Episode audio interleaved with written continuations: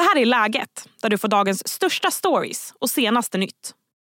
Den ryska oppositionspolitikern Alexej Navalny är död. Han ska ha fallit ihop och förlorat medvetandet under en promenad. Det menar i alla fall den ryska kriminalvården. Men Navalnys team är säkra på att president Putin ligger bakom hans död. Vem var Alexej Navalny? Och finns det ens någon kvar som kan hota Putin i valet i mars? Navalny var en verkligen person som kunde mobilisera och, och få ut eh, folk på, på gatorna. I dagens avsnitt försöker jag också lätta upp stämningen lite med skvaller inifrån Expressens kulturfest. Jag heter Sally Sjöberg. Mats Larsson, Expressens utrikesredaktör. Du finns i poddstudion. Hej Mats. Hejsan. Hur reagerade du när du läste om Navalnys död? Eh, att det dessvärre var en väntad nyhet. Dock trodde jag inte att den skulle komma nu eftersom det är presidentval i Ryssland om bara några veckor. Eh, men eh, han har haft hälsoproblem. Han flyttades rätt nyligen till ett fångläger med en strängare regim som ligger norr om eh, polcirkeln. Och eh, Putin och den ryska säkerhetstjänsten har ju visat förr att de faktiskt hade för avsikt att ta livet av honom. Han förgiftades med eh, nervgiftet Novichok i augusti 2020. Så att dessvärre kändes det att det var en fråga om när och inte om. Som du sa, det är ryskt val i mars och vi ska komma in på det. Men vi måste ändå börja med Navalny, för det är inte alla som kanske har koll på vem var han och sådär. Men vem var Alexej Navalny? Ja, han var den främste oppositionsledaren mot eh, Putin och har varit det under ett antal år. Han kom fram framför allt kring 2011-2012 då det var rätt stora demonstrationer mot eh, Putin och eh, Navalny var väldigt duktig på att använda sociala medier för att mobilisera folket och han fängslades sen. Han greps ofta, ofta under väldigt korta perioder dock. Men även 2018 exempelvis så ville han ställa upp i det presidentval som hölls då. Det fick han inte. Eh, Vladimir Putin ville aldrig ens nämna hans namn. Han, han vill liksom inte höja upp honom till eh, någonting högre. Eh, och, eh, men eh, som sagt, förgiftningsförsöket med Novichok visar ju eh, att han sågs som ett hot. Och han räddades till livet genom att han eh, fick flygas ut ur Ryssland och fick vård i Tyskland där han också stannade under ett halvår innan han beslutade sig för att återvända hem i januari 2021. Eh, eh, han visste då nog vad som väntade. Han greps på en gång vid flygplatsen Sheremetjeva och ställdes sedan inför rätta och dömdes. Det låter ändå som att Putin såg han som någon typ av utmanare. Ja, för att han, Navalny var en verkligen person som kunde mobilisera och, och få ut eh, folk på, på gatorna. Och jag tror det var också det han lite grann räknade med när han återvände hem eh, 2021 i januari. Det är tyvärr dock vinter och svinkallt i Moskva så kanske har det varit klokare att återvända lite senare. Eh, men sen har ju så mycket hänt också sedan han återvände hem. Inte minst invasionen av Ukraina och hur Putin har stärkt sin makt än mer och nu slår ner på alla manifestationer. Och vi har ju heller inte sett, det har inte varit några, några stora manifestationer efter hans död därför att ryssarna vågar helt enkelt inte det. Och många av dem som stödde honom, många unga, har ju också lämnat och flytt Ryssland efter invasionen. Och nu är Navalny död. Vad vet vi om eh, hans död?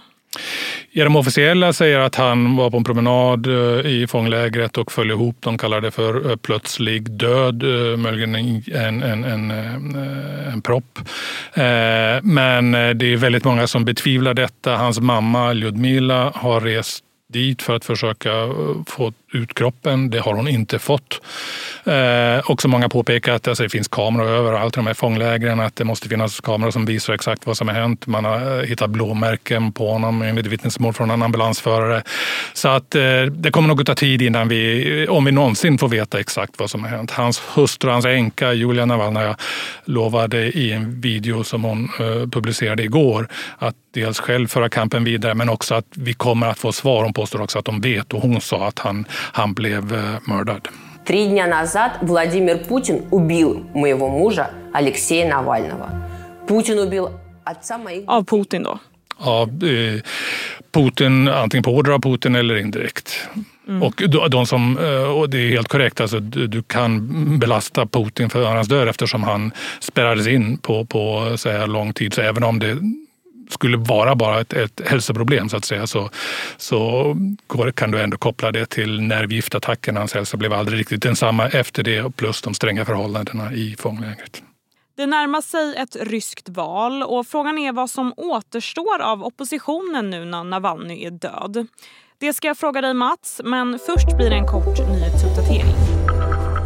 Idag presenterade regeringen och Sverigedemokraterna det hittills största militära stödpaketet till Ukraina. Värt 7,1 miljarder kronor. Det rör sig bland annat om artilleriammunition och pansarvärnsrobotar. Det berättade Sverigedemokraternas Oskar Sjöstedt på en pressträff. Det är väl enskilt största komponenten i det här paketet. Då, alltså artilleriammunition. Eh, och det här är något som vi gör tillsammans med danskarna och tillsammans med finnarna. Så vi behöver inte plocka det från hyllan, från, från ladorna om, om jag uttrycker mig på det sättet. 14 personer skadades när Israel utförde två flygattacker i Gazi i södra Libanon igår.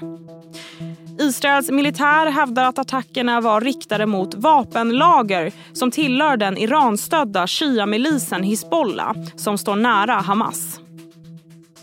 Statliga medier i Libanon hävdar däremot att attackerna skedde i närheten av en fabrik samt mot en anläggning där däck och elgeneratorer tillverkas.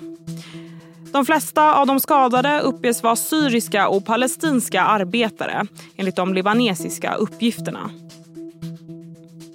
Och nu kanske det blir Nato för Sveriges del till slut. Det ungerska Fidesz-partiet vill att landets talman tar upp frågan om Sveriges inträde när parlamentet öppnar för sin vårsession på måndag. Ungerska premiärministern Viktor Orbán har tidigare sagt att landet ska ratificera det svenska NATO-medlemskapet vid nästa regeringssammanträde i slutet av februari. Statsminister Ulf Kristersson reser till Ungern på fredag. Hej, Ulf Kristersson här. På många sätt är det en mörk tid vi lever i.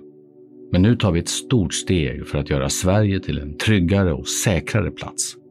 Sverige är nu medlem i Nato. En för alla, alla för en. Välkommen till Maccafé på utvalda McDonalds restauranger med Baristakaffe till rimligt pris. Vad sägs om en latte eller cappuccino för bara 35 kronor? Alltid gjorda av våra utbildade baristor.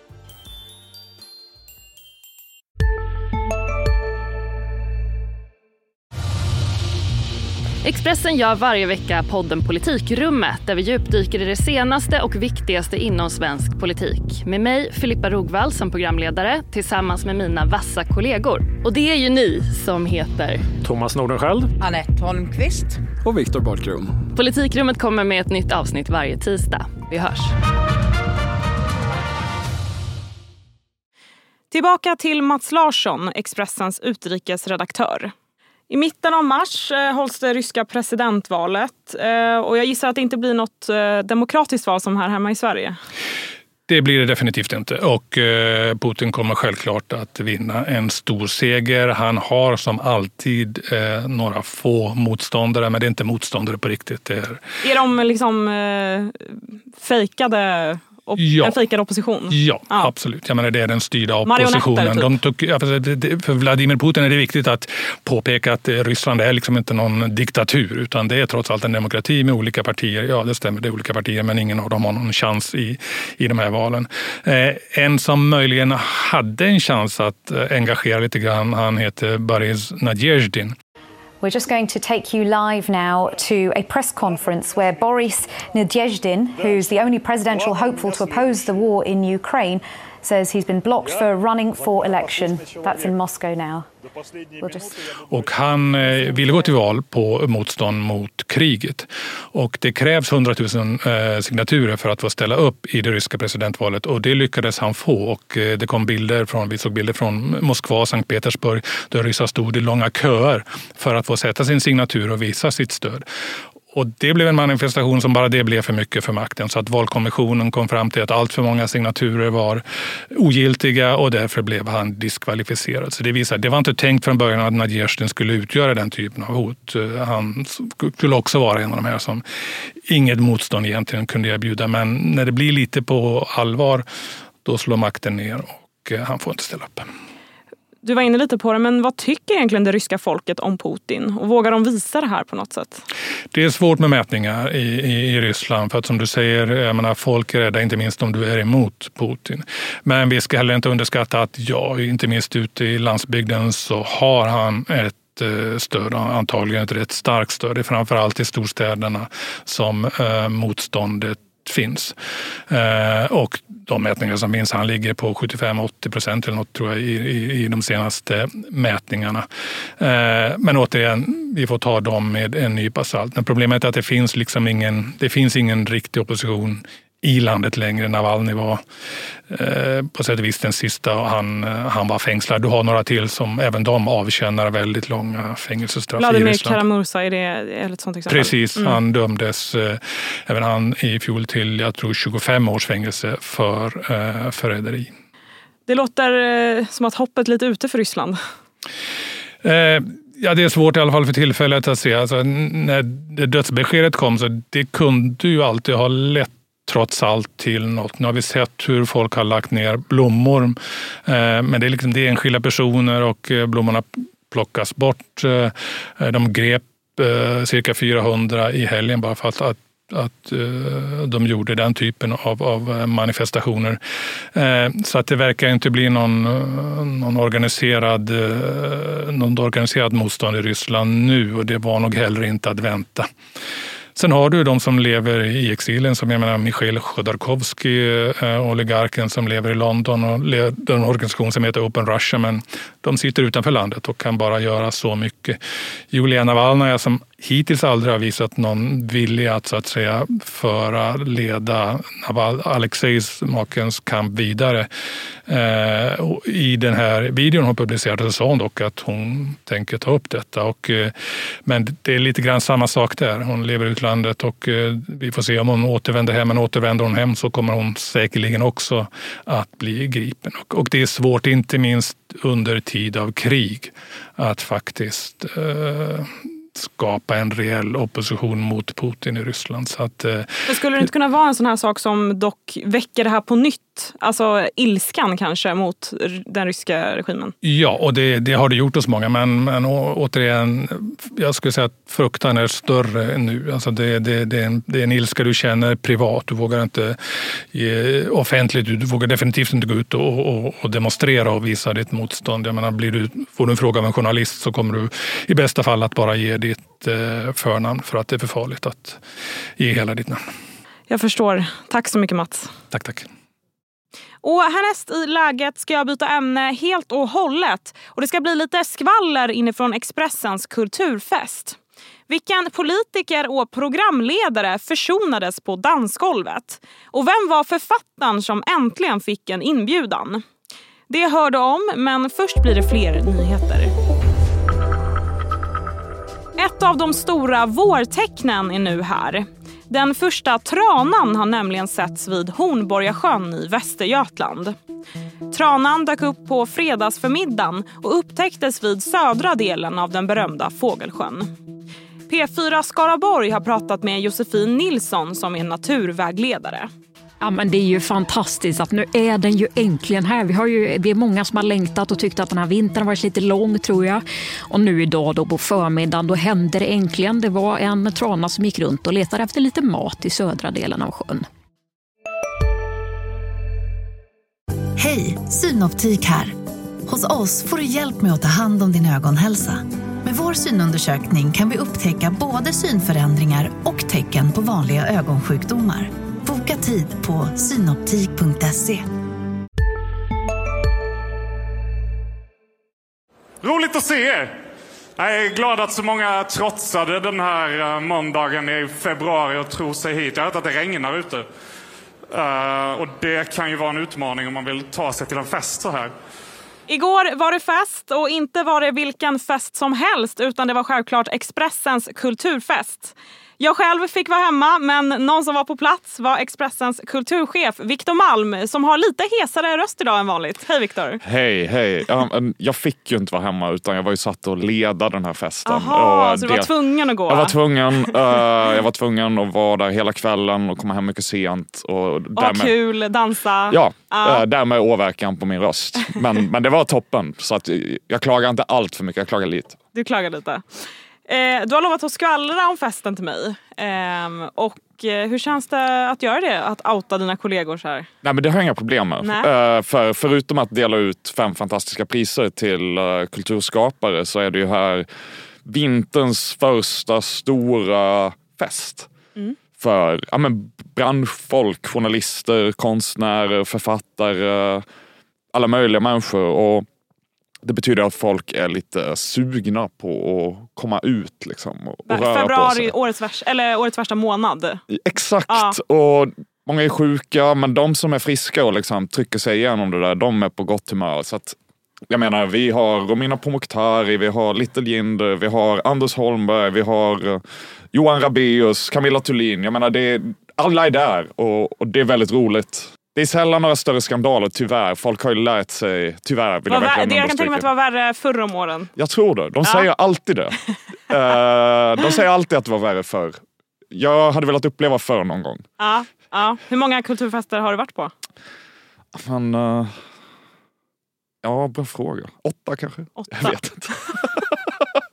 Men vi, har okay. ju, vi har ju en fantastisk scen därifrån till ja. exempel. När uh, klimatministern, uh, klimat och miljöministern ska man väl säga, Romina Pourmokhtari, plötsligt uh, haffas av Anders Holmberg som leder SVTs uh, 30 minuter. Han har ju tidigare under dagen annonserat ut att Ulf Kristersson ska gästa 30 minuter på torsdag. Mm. Det här blev under kvällen tydligen inställt. Aha. Och lite senare så kunde de berätta att det är Romina Pourmokhtari som ska göra 30 minuter på torsdag. Och han, haffade, han haffade henne där på festen och de pratade och jag stod och tittade och jag undrar om... Han har ju tidigare, tidigare gjort en efterlysning av henne.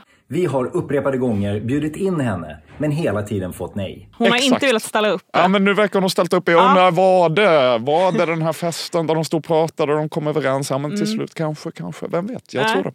Men såg det ut att vara glada miner i alla fall? Det är alltid glada minnen på fest. Ah, ah. Uh, man ska inte ta... Folk... Jobb är en sak, fest är en annan. Jag tror faktiskt det. Mm. Jag tror faktiskt det. Man, man, ska inte lita för mycket på de glada minnena på fest i alla fall.